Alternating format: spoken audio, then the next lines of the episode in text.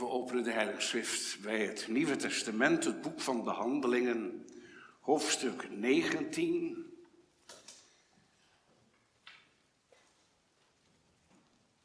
En laten we maar beginnen bij vers 11 tot en met 20. En de tekst is dan vers 18 tot en met 20. Twee jaar lang preekt Paulus dus in de gehuurde ruimte, auditorium van Tyrannus. En God deed buitengewone krachten, dat komt er dan bij, door de handen van Paulus. Zo zelfs dat de zweedoeken of de doeken die hij om zijn middel droeg van zijn lichaam op de zieken gelegd werden. De ziekte van hen weken en de boze geest uit hen weggingen. En enkele van de rondtrekkende Joodse duivelbezweerders waagden het de naam van de Heer Jezus uit te spreken over hen die boze geesten hadden. Ze gebruikt als nieuwe formule, wij bezweren u bij Jezus die door Paulus gepredikt wordt. Het waren zeven zonen van Skeva, een Joodse overpriester, die dit deden. Maar de boze geest antwoordde en zei, Jezus ken ik en van Paulus weet ik, maar jullie, wie zijn jullie? En de man in wie de boze geest zich bevond, sprong op hen af en toen hij hen overmeesterd had, bleek hij sterker dan zij, zodat ze naakt en gewond uit dat huis vluchtten. En dit werd alle bekend, zowel bij de Joden als bij de Grieken die in Efeze woonden. En vrees overviel hen allen en de naam van de Heer Jezus werd groot gemaakt. En hier de tekst van vanmorgen. En velen van hen die geloofden kwamen hun zondige daden beleiden en bekennen. Velen ook van hen die toverkunsten uitgeoefend hadden, brachten hun boeken bijeen en verbrandden die in tegenwoordigheid van allen. Men berekende de waarde ervan en kwam uit op 50.000 zilverstukken. Zo nam het woord van de Heere met kracht toe en werd steeds sterker. Tot zover de schriftlezing. Handelingen 19, de versen 18 tot en met 20. En velen van hen die geloofden kwamen hun zondige daden beleiden en bekennen. Velen ook van hen die toverkunsten uitgeoefend hadden, brachten hun boeken bijeen en verbrandden die in tegenwoordigheid van allen. En men berekende de waarde ervan en kwam uit op 50.000 zilverstukken. Zo nam het woord van de Heere met kracht toe en werd steeds sterker. Christus en zijn geest werken door in Efeze. En daarom zien we ten eerste dat velen tot geloof komen en hun zonden beleiden. In de tweede plaats dat de waarachtige bekering concreet zichtbaar wordt. Dus Christus en zijn geest werken door in Efeze en daarom zien we ten eerste dat velen tot geloof komen en hun zonden beleiden. In de tweede plaats dat de waarachtige bekering concreet zichtbaar wordt. Dus de eerste gedachte dat velen tot geloof komen en hun zonde beleiden. Gemeente des Heren, wat kan de Heere wonderlijk ingrijpen?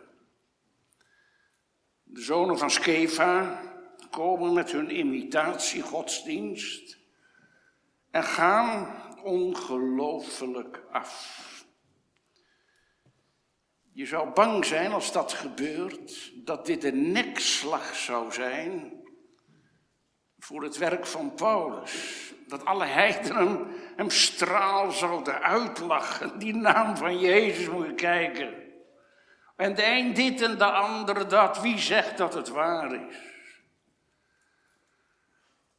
Ja, want deze nepprofeten gebruiken de naam van Paulus en de naam van de Heer Jezus.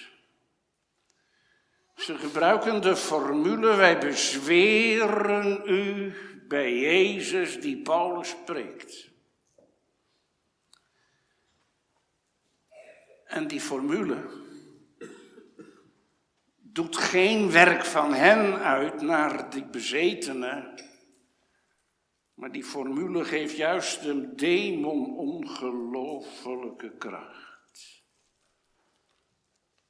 Je zou denken dat iedereen nu lacht om de Jezus die Paulus spreekt.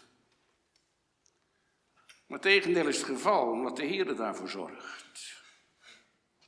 Het kan ook anders als de Heer de kandelaar weg wil nemen. Dat het wel zo gaat, dat de prediking wordt afgebroken. Maar hier komt de Heere erin mee.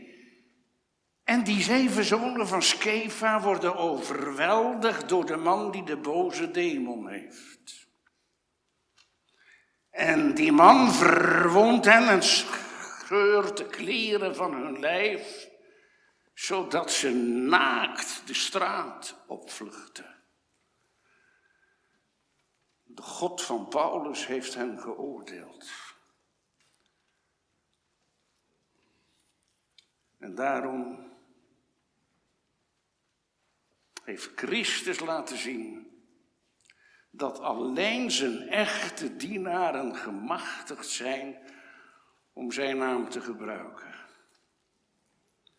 Het gevolg is, dat hebben we nog gezien, dat er een diepe vrees valt op hen. Zowel bij de Joden in Efeze als ook bij de heidenen. En die vrees, dat geeft het werkwoord vorm aan in het Grieks. Die vrees valt als de bliksem op hen. Als een blikseminslag bij heldere hemel. Vijf minuten geleden was er nog niks aan de hand. De Jood uit de synagoge leefde keurig volgens zijn wetten. En de Griek met de angst voor de godenwereld leefde nochtans in vrijheid en blijheid. En nu? Ineens is er een beklemming van het hart. Alsof er een steen op de maag gelegd is. Het hart klopt in de keel. En dat is angstig. Het is ook wat. Ineens jezelf zien en iets van God zien. Dat is in het Grieks phobos. Vrees, schrik, angst. En, die vrees wordt niet gewerkt door bijzondere omstandigheden als ineens dikke duisternis of schichtige bliksemschichten. Nee, die vrees wordt gewerkt door de wetenschap. Dat sommige mensen die Jezus' naam proberen te gebruiken, geoordeeld zijn. God heeft hen geoordeeld. En die werkelijkheid slaat naar binnen. Het is ook een ontdekking om de werkelijkheid te leren kennen. En ineens te beseffen, jezelf te zien wie je bent. En te beseffen, ik heb ernaast gezeten. Ik kan niet bestaan voor God. Je dacht dat het aardig met je ging. Natuurlijk, ieder mens heeft zijn gebrek, maar ja, u was toch serieus bezig, u zette u in. En dan ontdekken dat je buiten Christus bent.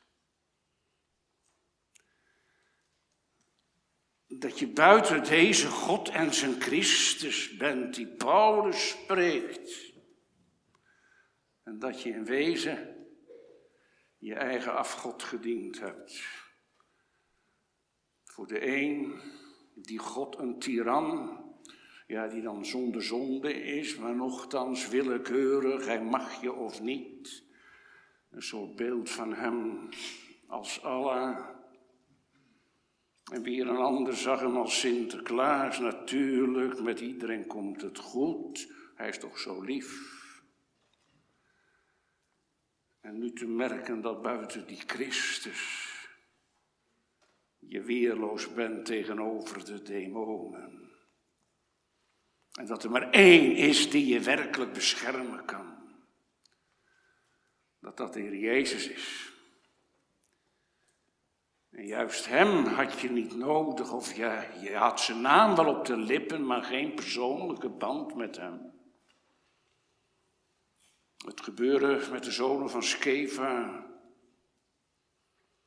maakt ook duidelijk dat de God van Paulus en de Jezus die hij verkondigt zich niet laten manipuleren.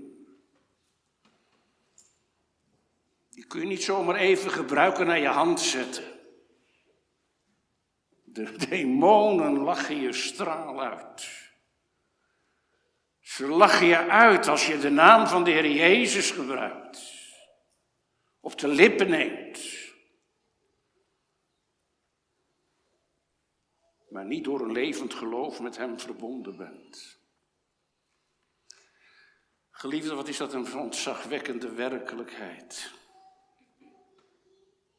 Als je na, zijn naam wel op je lippen is, alsof je een christen bent, maar niet in je naam leeft, in je hart leeft als de naam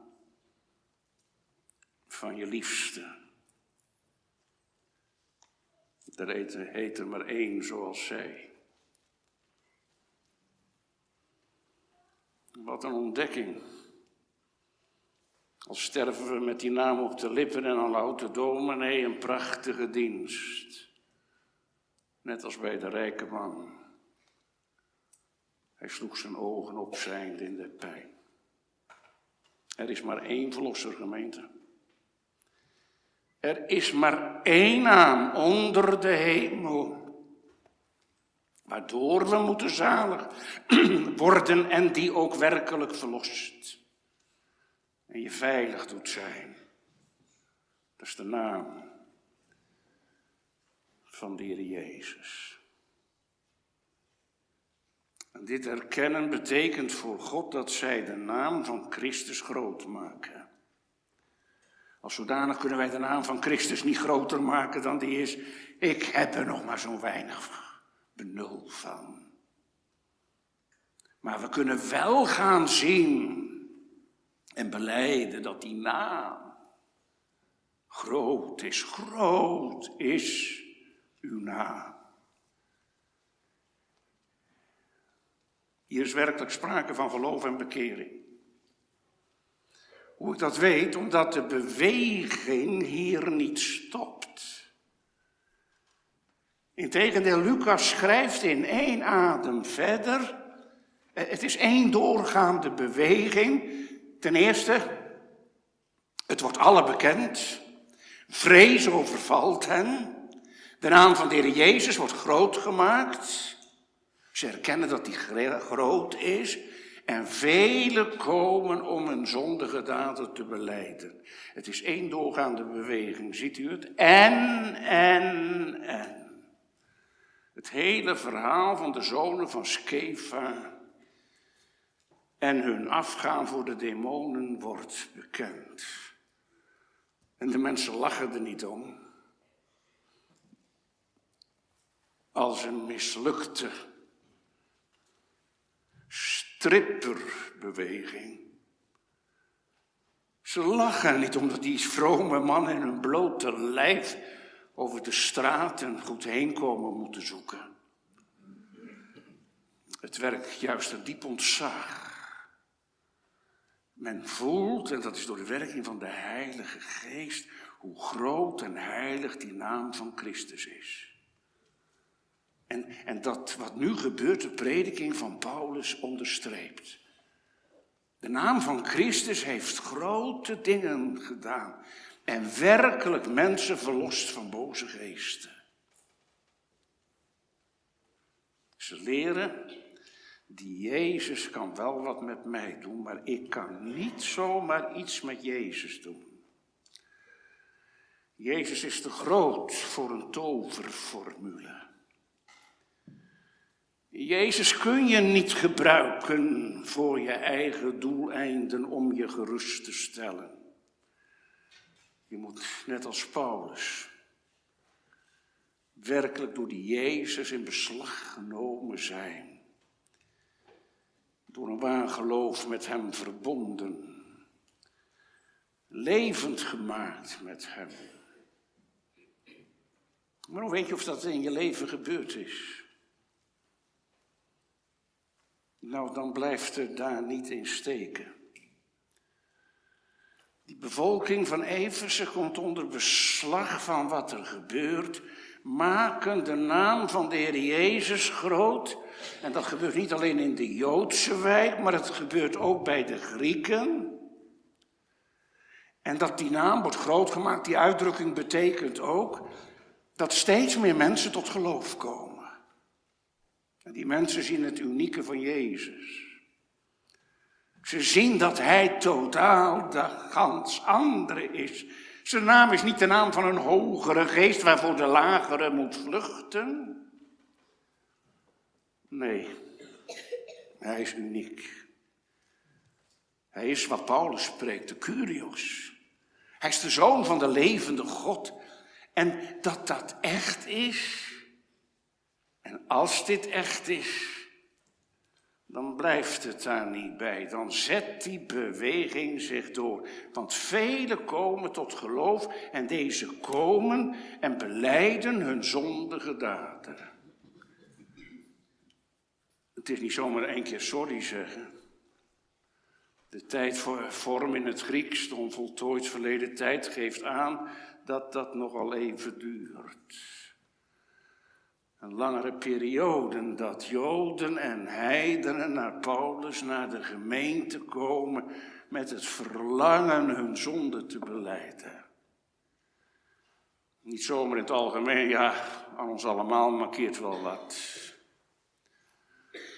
Of een mens is zo zondig, dat kan ook het napraten van een papegaai zijn. Nee, ze benoemen de zonde. Heel concreet. En ze kijken niet neer op de zonen van Skefa, wat een tuig is dat. Nee, ze ontdekken dat ze net eender zijn en zelf ook vol zijn van het occulte. Als je geraakt bent door de vrezen van de Heer, dan moet dat eruit. Dat moet beleden worden, het moet naar buiten. Het is heel mooi dat dat Griekse woord samengesteld is uit een voorzetsel en een werkwoord. Het voorzetsel is uit. En het werkwoord homologio betekent hetzelfde zeggen, het betekent beleiden. Ze moeten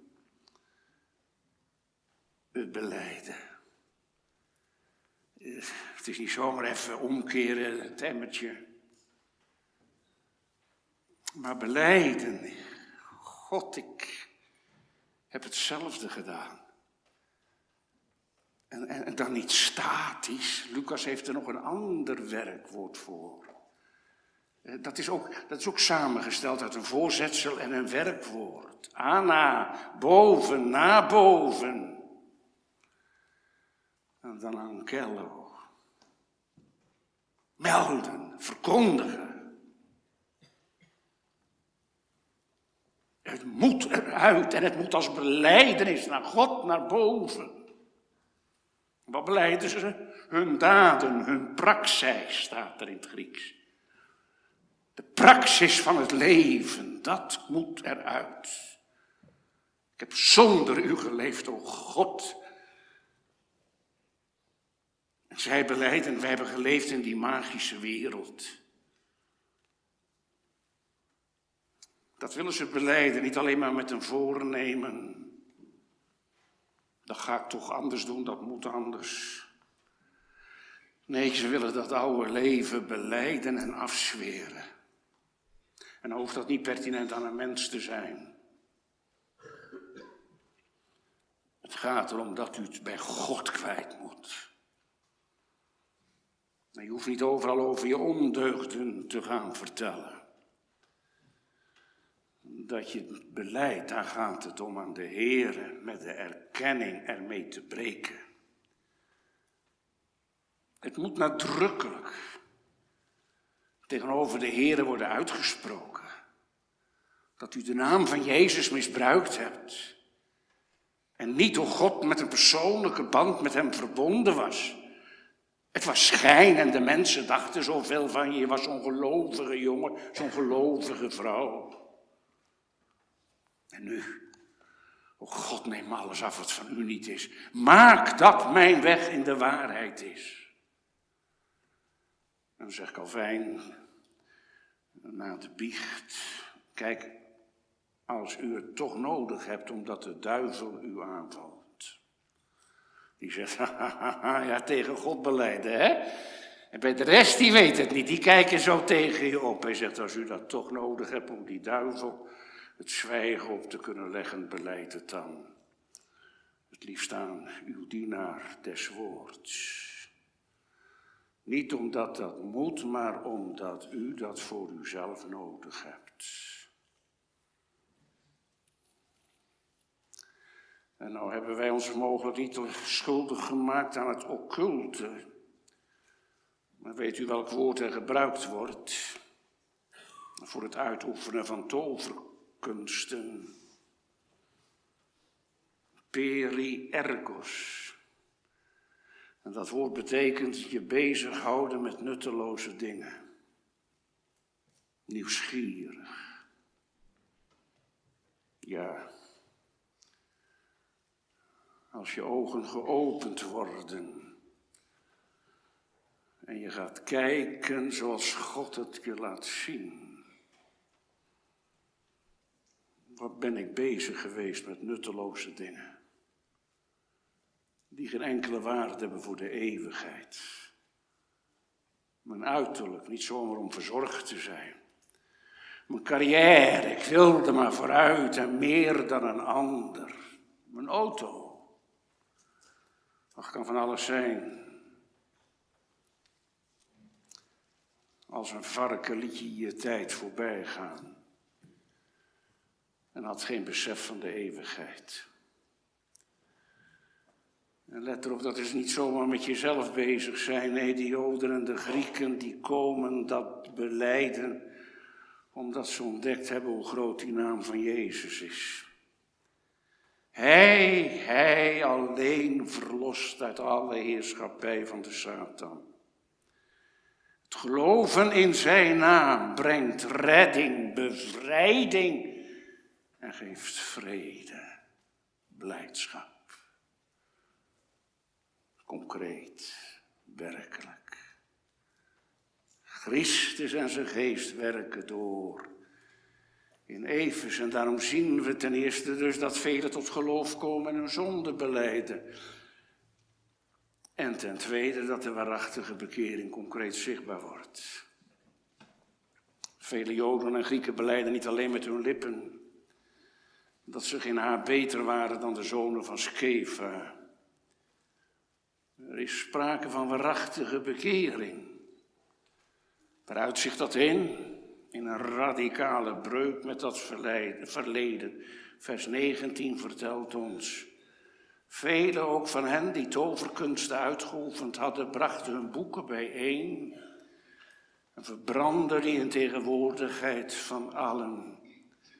En men berekende de waarde ervan op 50.000 zilverstukken. Het is een waarachtige bekering, gemeente. Het is schitterend dat het Nieuwe Testament twee woorden voor bekering heeft. Het eerste is metanoia. Meta betekent verandering, zoals in metamorfose, noia, geest, denken. Punt 1, bekering geeft verandering van je denken. Mijn tweede werkwoord is epistrefo. Het eerste werkwoord geeft aan, het ene woord dat als de Heer gaat werken door zijn woord en geest. Dat je ogen geopend zijn, je gaat de dingen anders zien, je gaat anders denken. Je krijgt een nieuwe geest. Je gaat denken zoals de schrift denkt en je weet het niet meer. Maar bid, Heer, hij maakt me uw wegen door uw woord en geest bekend. En dat nieuwe denken werkt door. Je gaat, tweede werkwoord epistrevo, dat betekent de steven wenden. Het betekent in de eerste plaats het werkwoord terugkeren tot. Je keert terug naar je schepper, die recht heeft op je leven. Je komt naar huis. De tweede betekenis is omkeren. Je wendt je tot degene die achter je was. Je riep, je nodigde. Je leefde van hem af. Je wendt je naar hem toe. Het is ook wat een surfer doet of een zeiler. Door de wind gaan. Om terug te varen. En in de derde plaats betekent dat epistrevo. Je bekeren door uiterlijke verandering van je levensrichting. En daar wijst Paulus ons, onderwijst Paulus ons ook in. Gericht op de tijd en gericht op de aarde. Nu concreet. Je bent hemelburger. Wandel in de hemel. Wandel in Hem zoals u hem hebt aangenomen. En daar ligt nu je identiteit en dat is geen theoretisch lijntje.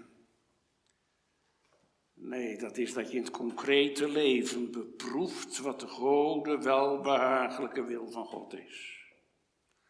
Dat je redelijke godsdienst. Maar het is ook de fijnzinnige, het proeven van waar God behagen in heeft. Dat is een waarachtige bekering. En de catechismus zegt in zondag 33, waaruit, welke aspecten heeft die waarachtige bekering? Wel, het is de afsterving van de oude mens. Er is iets wat eraan gaat. En er is de opstanding van de nieuwe mens. Je leven krijgt een nieuwe dimensie. Al zie je misschien zelf meer het eerste die omgeving merkt en je zult het zelf ook merken, die nieuwe dimensie. Het eerste is de afsterving van de oude mens, dat verdriet van die verloren jaren, dat verdriet dat je God onrecht hebt aangedaan. Dat wij, dat is het, niet alleen de zonde erg vinden, maar ook hoe langer hoe meer gaan haten in jezelf en ontvluchten. En dat hebben we nu gezien bij de Joden en de Grieken in Efeze. Die onder de vrees kwamen en onder het ontzag van de naam van Jezus. En het andere moment is dan de opstanding van de nieuwe mens. En wat betekent dat? Het is volgens antwoord 90 een hartelijke vreugde in God.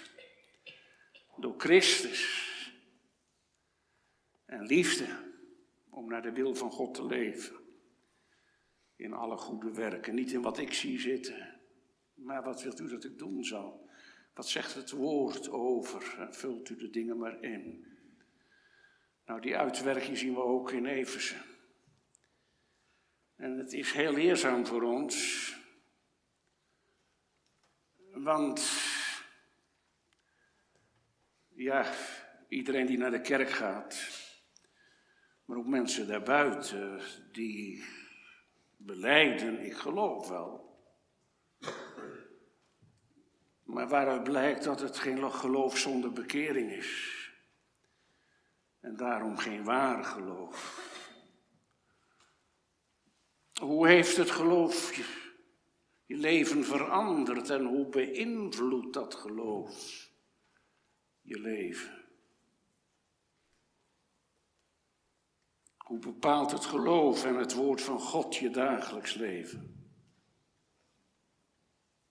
Wat is er anders geworden?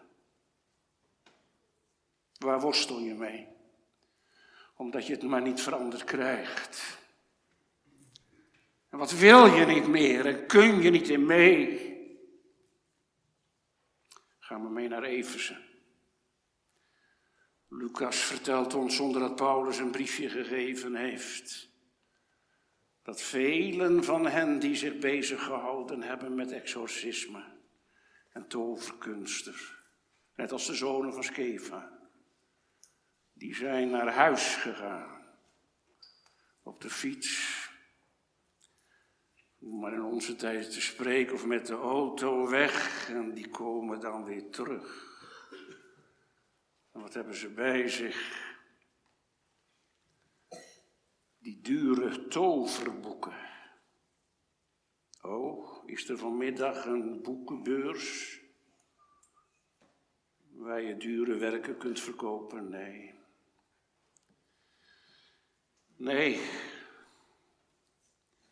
en omdat het voor hen verderfelijk is, zetten ze het ook niet op marktplaats om een ander te verderven.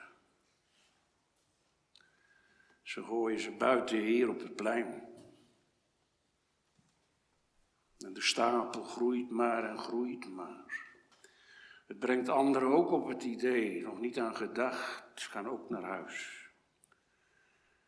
De stapel wordt groter en groter en dan de fik erin.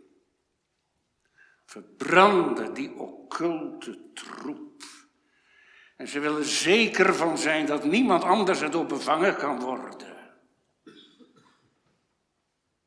Iedereen moet weten dat het zonde is. En dat je ze breken met de zonde. En dat doe je in het openbaar niet om wat er mee te worden, maar juist om, om dat occulte te grijpen in het wezen.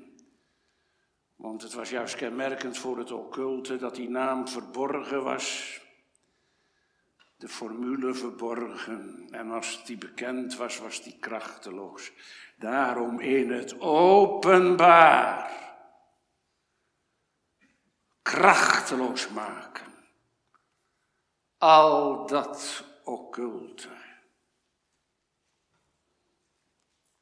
En als ze onthuld worden, verliezen ze hun kracht. God zij dank. Kan de kracht van occulte machten verbroken worden. Zodat je helemaal mag staan en komen in de vrijheid van Jezus Christus. En naar de wereld kan je dat aardig wat kosten. Jongen, jongen, jongen die is gek. Maar zo beleef je het niet. Want iemand berekent blijkbaar hoeveel er nu in vlammen opgaat. Lucas schrijft in vers 19b dat men de waarde van berekende en uitkwam op 50.000 zilverstukken. Dat is wel een berg zilver, maar wat, hoeveel is dat? Nou, het is wat, als elke dag werken, wat 137 arbeiders in een jaar verdienen. Ik heb even gekeken, wat is het minimumloon voor een volwassene? Nou, dat is 23.950. Nou, doe dat maar naar 197. Dan kom je op 3 miljoen 279.780 euro's. Jongen, jongen, jongen. Dat is een geld.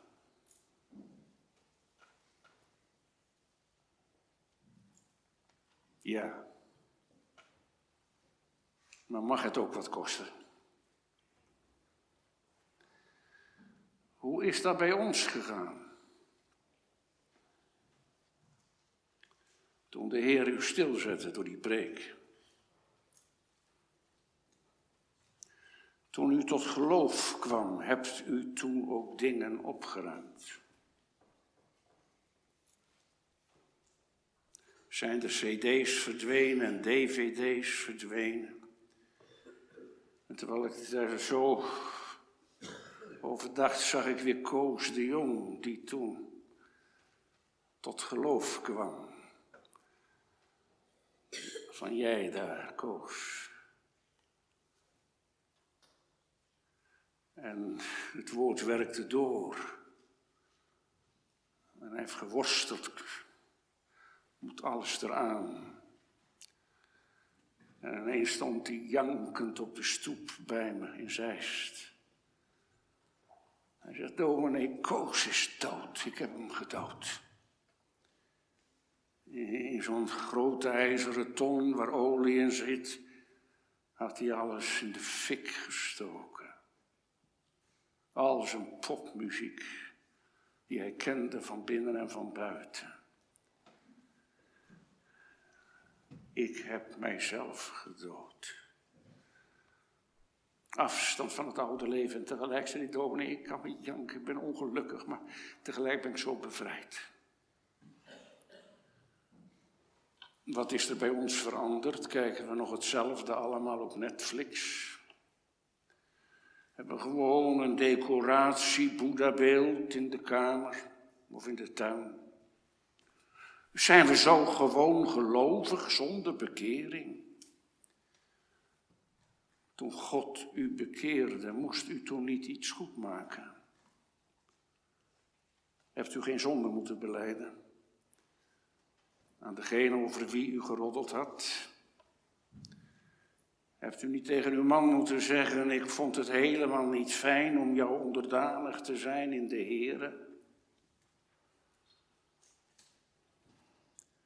Moest je als man niet zeggen, vrouw, vergeef het me, ik ben geen christelijke man geweest, ik heb je niet lief gehad, zoals Christus gemeente. Geliefde, het is een heel groot gevaar van onze tijd. En de tekst dringt om dat eerlijk te zeggen. Want we willen wel graag horen dat het woord wies en zo, maar dat begint hiermee. Velen binnen en buiten de kerk zijn gelovig, maar zonder bekering. Ze hebben een geloof dat niks uitwerkt. Terwijl Calvijn benadrukt, het is onmogelijk dat God een je geloof geeft, het geloof dat God geeft, dat dat niks uitwerkt. En dan krijg je twee weldaden door dat geloof. De vergeving van je zonde en de vernieuwing van je leven. Daar moet de vinger bij, gemeente. Enkele weken geleden had ik een discussie. Er was een vrouw, die was op bezoek waar, ik waar wij op bezoek waren. En die vertelde, dus, ze had de ouderlingen weer op bezoek gehad. Die had haar ernstig gewaarschuwd dat ze al zoveel jaren erop gewezen had en ze bleef maar hetzelfde. Ze was echt boos op die ouderlingen. Ze woont samen, ze heeft drie kinderen, niet laten dopen, ze gaat niet naar de kerk, ze leest geen Bijbel. Maar ik geloof wel. Ik heb nog niet gezegd, ja, ik heb het wel geciteerd. Dat als je dat tegen Jacobus zegt, ja, de duivelen geloven ook en die doen tenminste nog in de broek. Voor de dag van het oordeel.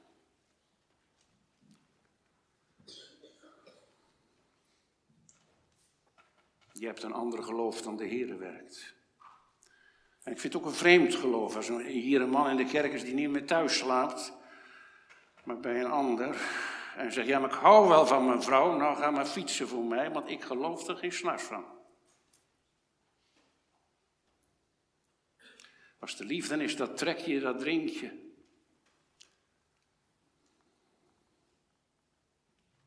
Toen de discussie zei, ze opende haar, het opende haar ogen en ze zei, ja, u hebt wel gelijk ergens. Maar de zus zei de bot bovenheen, ja, maar als ze sterft is mijn zus wel in de hemel. want ze gelooft. Maar wat voor geloof is dat? Het zaligmakend geloof werkt door. En voor de een is dat radicaler dan voor de ander in de omkering. En tegelijk is het waar, je zou er nog veel meer van hebben. Want oh, wat kun je over jezelf zuchten in de spiegel kijken. Oh God, ik ellendig mens, wanneer ben ik van mezelf af?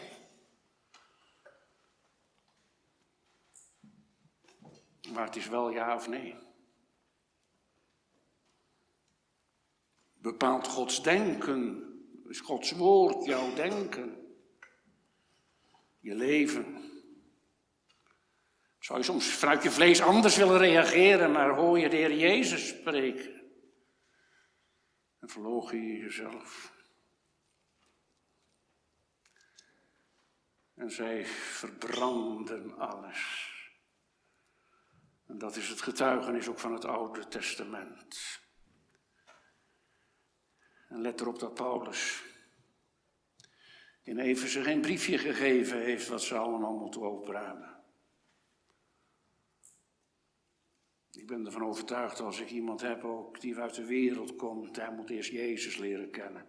En dan gaat het verder en, en, en dan komen de vragen en dan geef je eerlijk antwoord. En gemeente, als dat gebeurt, blijft het niet zonder gevolg.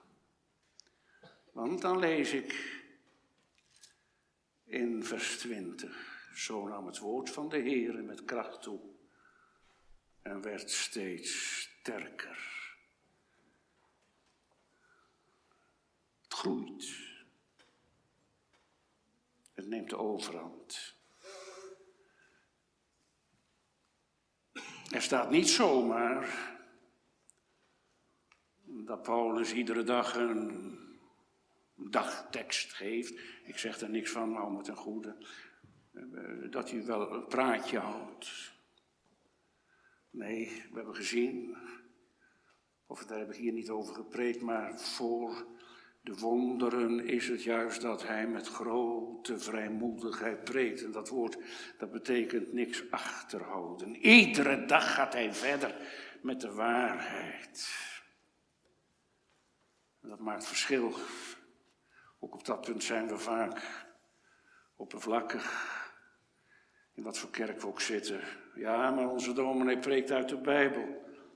Ja, maar als na aan het begin van de preek de Bijbel dichtgaat en hij gaat het hele verhaaltje vertellen wat hij altijd houdt.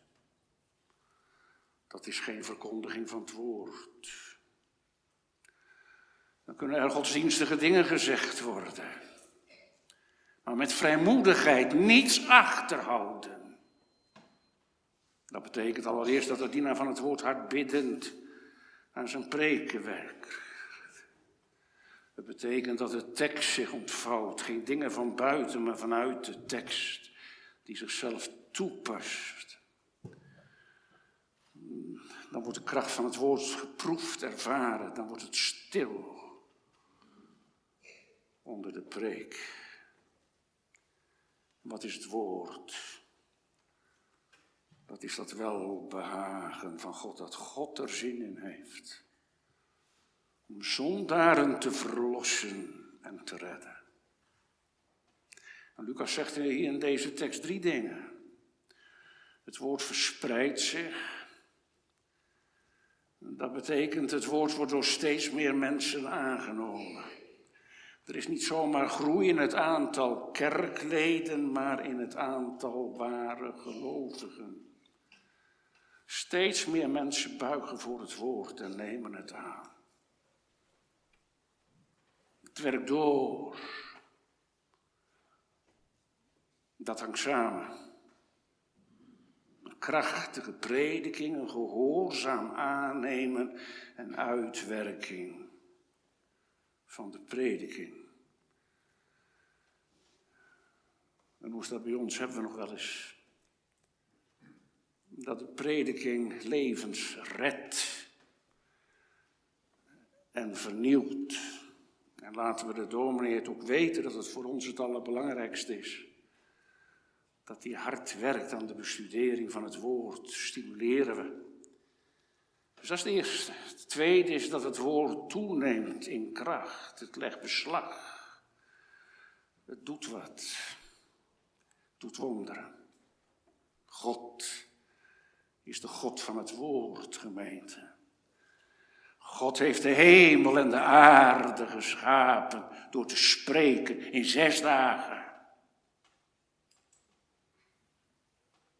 Of wie is erbij geweest die het lef heeft om dat anders te zeggen? Hij spreekt en het is er. En het woord is vlees geworden. En als het woord verkondigd wordt, gebeuren er wonderen dat het licht opgaat. En daarom moet de tekst opengaan en zich ontvouwen. En ten derde zegt Lucas dat de kracht van het woord aan het werk is. Niet de kracht van Paulus. Het gaat niet aan Paulus als een geweldige woordkunstenaar. Nee, Jezus manifesteert zijn kracht door en in de prediking van Paulus. Zo blijft het doorgaan in Efeze. Dat mensen hun zonde beleiden en publiekelijk hun verbondenheid met de occulte machten afzweren. Geliefde, dan zullen wij ervaren dat de prediking echt uitwerking heeft. We kunnen van alles organiseren om de onderlinge band te verstevigen. En nergens zeg ik kwaad van. Maar de band geeft waar mensen heel verschillend zijn als je eruit gaat. En het woord heeft je hart geraakt van, joh, heb jij dat ooit geweten? Dan krijg je een band met de broertjes en de zusjes. Dat is de band van de liefde door de bediening van het woord. Zo worden we gewekt tot het leven en zo groeit het leven. En hoe rijk dat is, moet u thuis maar lezen, dat eerste hoofdstuk dat Paulus schrijft aan de gemeente van Eversen. Waarin hij dan met verwondering schrijft. Vanuit de eeuwigheid die achter ons ligt, duizelingwekkend. Jij denkt, het is in 19, het is in 2017 begonnen, in 2023. Ja, in de waarneming. God heeft je van eeuwigheid verkoren in de geliefde Jezus Christus. En dat gaat door tot in de eeuwigheid die voor ons ligt. Het woord is onfeilbaar. Het woord heeft goddelijke kracht. En daarom, ik roem in God, ik prijs het onfeilbaar woord. Zingt u mee? Amen. Psalm 56, het vijfde vers. 56, het vijfde vers.